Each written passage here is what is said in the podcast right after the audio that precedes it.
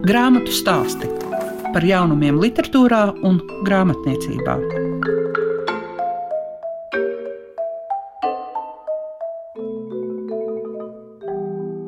Laba vēlējums jums sūta Liega Piešiņa, un šīs dienas grāmatas stāstos jūs dzirdēsiet Anitu Melupi. Viņai iznākusi grāmata likteņa stāstu laiks 1988-2023, kā arī uzzināsiet par Tukumu literātu apvienību, kurai nulekā apritēja 60 gadi.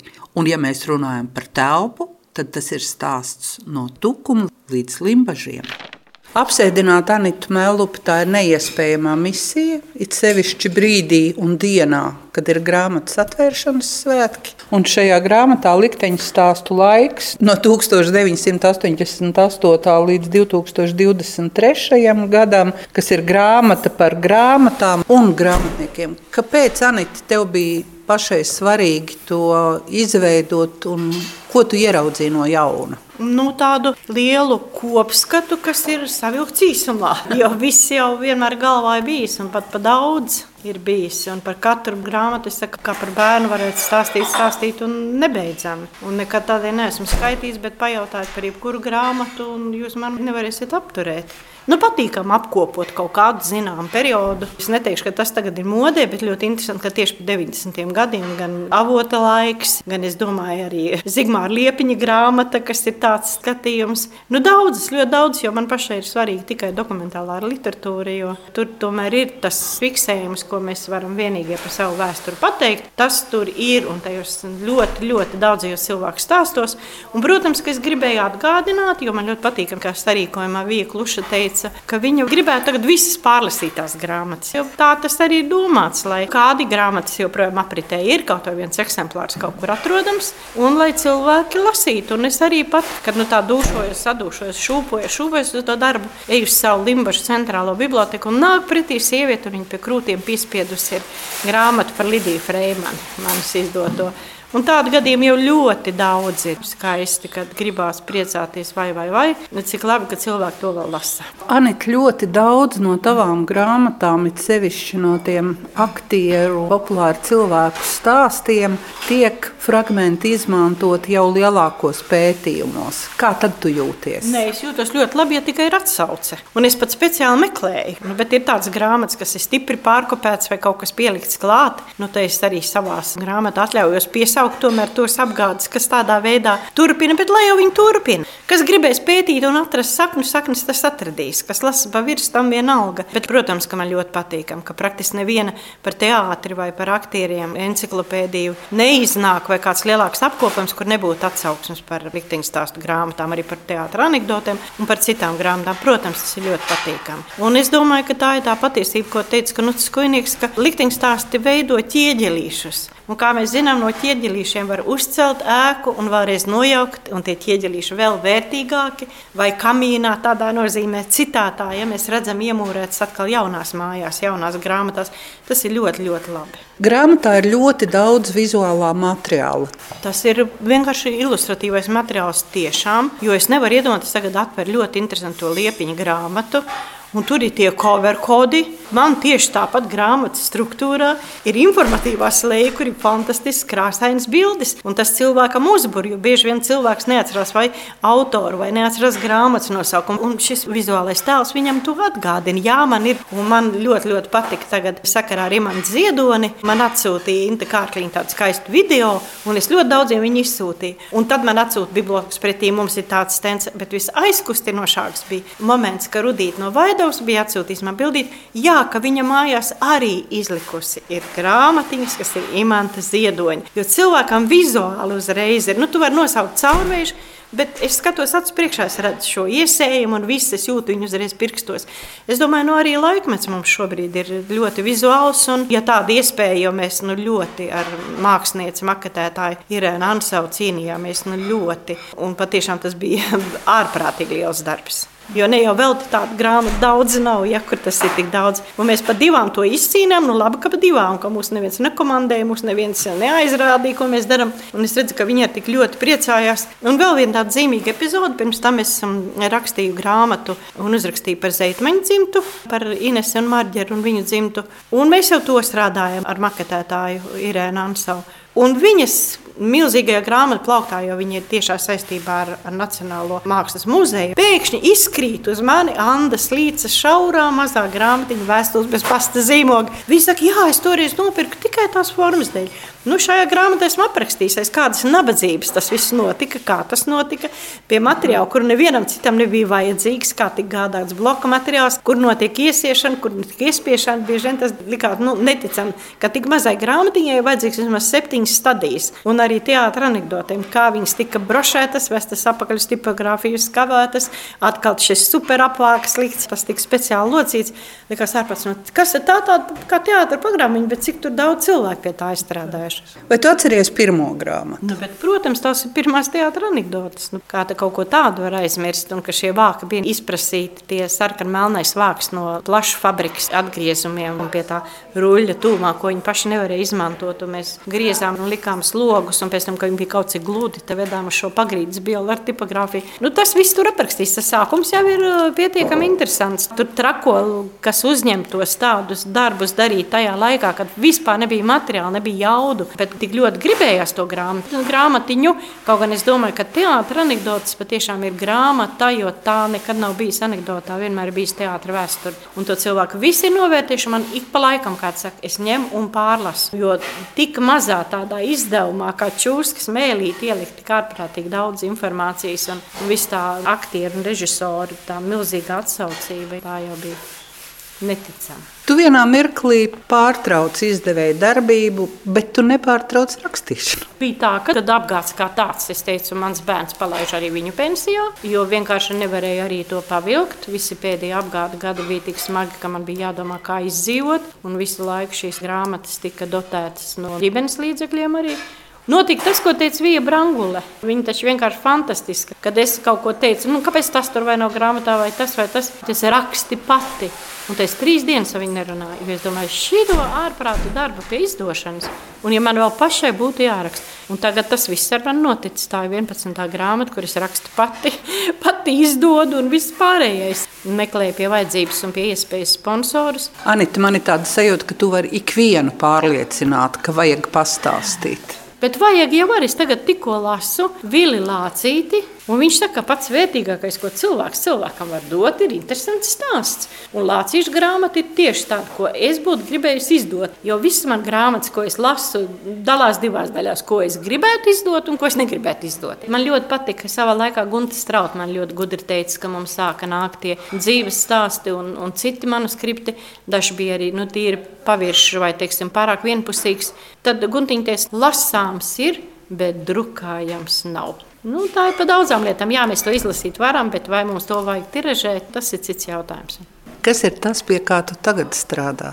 Tu nevari nestrādāt. Nu, jā, nu ir viens man pie sirds varonis, 94 gadus jauns. Ļoti interesants cilvēks. Visu mūžu nodzīvojis tūmā limbažiem, ļoti daudz ko arī izdarījis. Nu, viņa dzīve arī ir tāda, ja viņš man stāsta, ka tas, ko viņš lasa mūžības skartajos, un ko viņš lasa dvēseli putenī, ka tas ir no tēva piedzīvotā un stāstītā, nu tad par to nevar nerakstīt. Un cik tas ir tuvu, tas ir tikko paudzes attālumā, jo viņam tieši dažas dienas atpakaļ bija 94. dzimšanas diena. Tas ir Ilmārs Steinbergs, šie būs 18 dziesmu svētki. Grāmatu stāsti programmā Klasika. Ar Anitu runāt varētu vēl ilgi, jo pa šiem 35 gadiem tiešām piedzīvots gana daudz. Katrā ziņā Anita lielu paldies saka arī Ingai Skuiņai, kura rūpējās par to, lai grāmatā nebūtu kļūdu, un pati nebūdamā grāmatas atvēršanas brīdī viņa atsūtīja vēstuli. Dažas rindas no tās arī grāmatu stāstu klausītājiem. Tā nav grāmata, literārs darbs ar vairāk vai mazāk nozīmīgu vēstījumu simbolu valodā. Anitas Melupes grāmatai ir cits uzdevums. Ja lasītājs ir spējīgs uztvert rakstītu vārdu, Melupes grāmatā viss ir pateikts un nav ko velti dzesēt muti. Bet Biru Teglīte savukārt, izlasot grāmatu, Anitai uzrakstīja: Tu viscaur esi tu pati. Tavi rožu lauki, skaistākās atmiņas, tava steiga un nepacietība, radošais hauss. Tiem, kas pēc daudziem gadiem lasīs šo grāmatu, būs skaidrs, ka šī bija lielākā, nozīmīgākā un saturā bagātākā izdevniecība Latvijā. Bet turpinājums būs Tukumā. Tukuma literātu apvienībai 60. Un kaut arī tās vadītāja ir Guna Roze Tamule, šīs dienas raidījumā jūs dzirdēsiet vienu no apvienības biedriem, Ināru Bezmeri. Un sāksim ar Imanta Ziedoņa dzējoli. Cik skaisti iznirst kokiem lapas no mūžības, ik pavasari. Uz viena maza žagariņa es ieraudzīju sevi arī. Ināra šo dzējolu noskaitīja no galvas. Ināra bija arī tā, kas iekāpa tukumā vilcienā, lai izjustu imanta ziedoņa burvību, braucot uz Rīgas pusi. Jāsaka, jaunākā Tukuma literāta apvienības dalībniece ir Maija Laugale, kura ir beigusi angļu filologus un kura ir sasniegusi ceturdaļu gadsimtu. Pārējie gan ir diezgan pieredzējuši ļaudis. Grāmatu stāsti tiem, kam grāmatu lasīšana ir vērtība. Vai jūs esat arī domājuši, ka pēc arī šo 60 gadus ir eksistējusi šī apvienība, ja no vienas puses it kā nu, rakstnieku savienība taču ir? Jā, bet Rakstnieku savienība ir Rīgā, tā ir vairāk oficiāla organizācija. Ir vajadzība pulcēties pašiem, domu biedriem, interešu biedriem, satikties, pārunāt, diskutēt, pastrīdēties, palepoties ar jaunāko uzrakstīto. Tas viss ir vajadzīgs. Bet jūs kā apvienība principā esat tādu ar uh, stingru kodolu, jo jūs piedalāties arī, piemēram, Ķīpselā grāmatu svētkos, un tad jūs jau esat sevi tā reklāmiskāk uzrakstījuši. Jā, tā tas ir. Jau piecus vai sešus gadus piedalāmies. Devējam sevi par ekstravērtajiem kurzemniekiem. Ar šādu nosaukumu arī bija mūsu stends šogad Ķīpsalas lielajā izstāžu hallē grāmatu svētkos, un tur mēs bijām vēl kopā ar Talsu un Liepājas literātiem. Trīs novadu ekstravērtie kurzemnieki. Kā jūs viens otra veikumu, ja tas ir publiskots vai nolasīts. Kā jūs to vērtējat savstarpēji? Kritikas ir daudz? Jā, ir gan, ir gan, gan kritika, gan uzslavas, atzinība. Priecājamies par kolēģu panākumiem.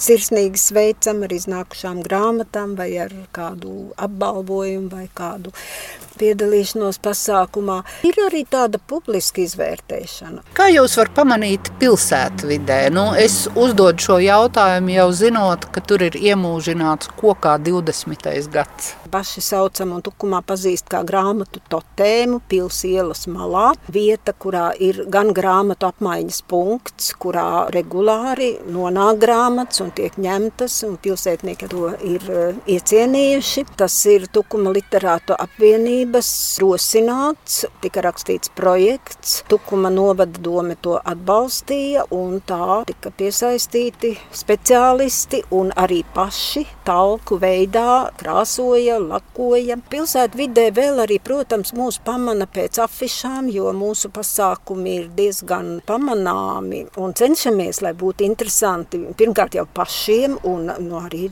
arī klausītājiem. Tukuma tepat pievārtē ir literāti arī piedalījušies āža kalna takas un vilkaču takas labiekārtošanā, mazāk varbūt tieši nu, tur zāģējot, bet gatavojot informāciju, stendus turistiem. Tās ir iemīļotas takas. Maija sākumā ļoti, ļoti daudzi mēģina iedzīvināt, un mēģina atcerēties un mēģina izjust ziedoni. Kā Tukuma literāta apvienība Tukumā iedzīvina ziedoni? Ziedonis ir tukumnieks, un mēs esam tukumnieki arī tie, kuri kā es nav dzimuši Tukumā, bet uh, ienākuši vēlāk vai arī pavisam nesen.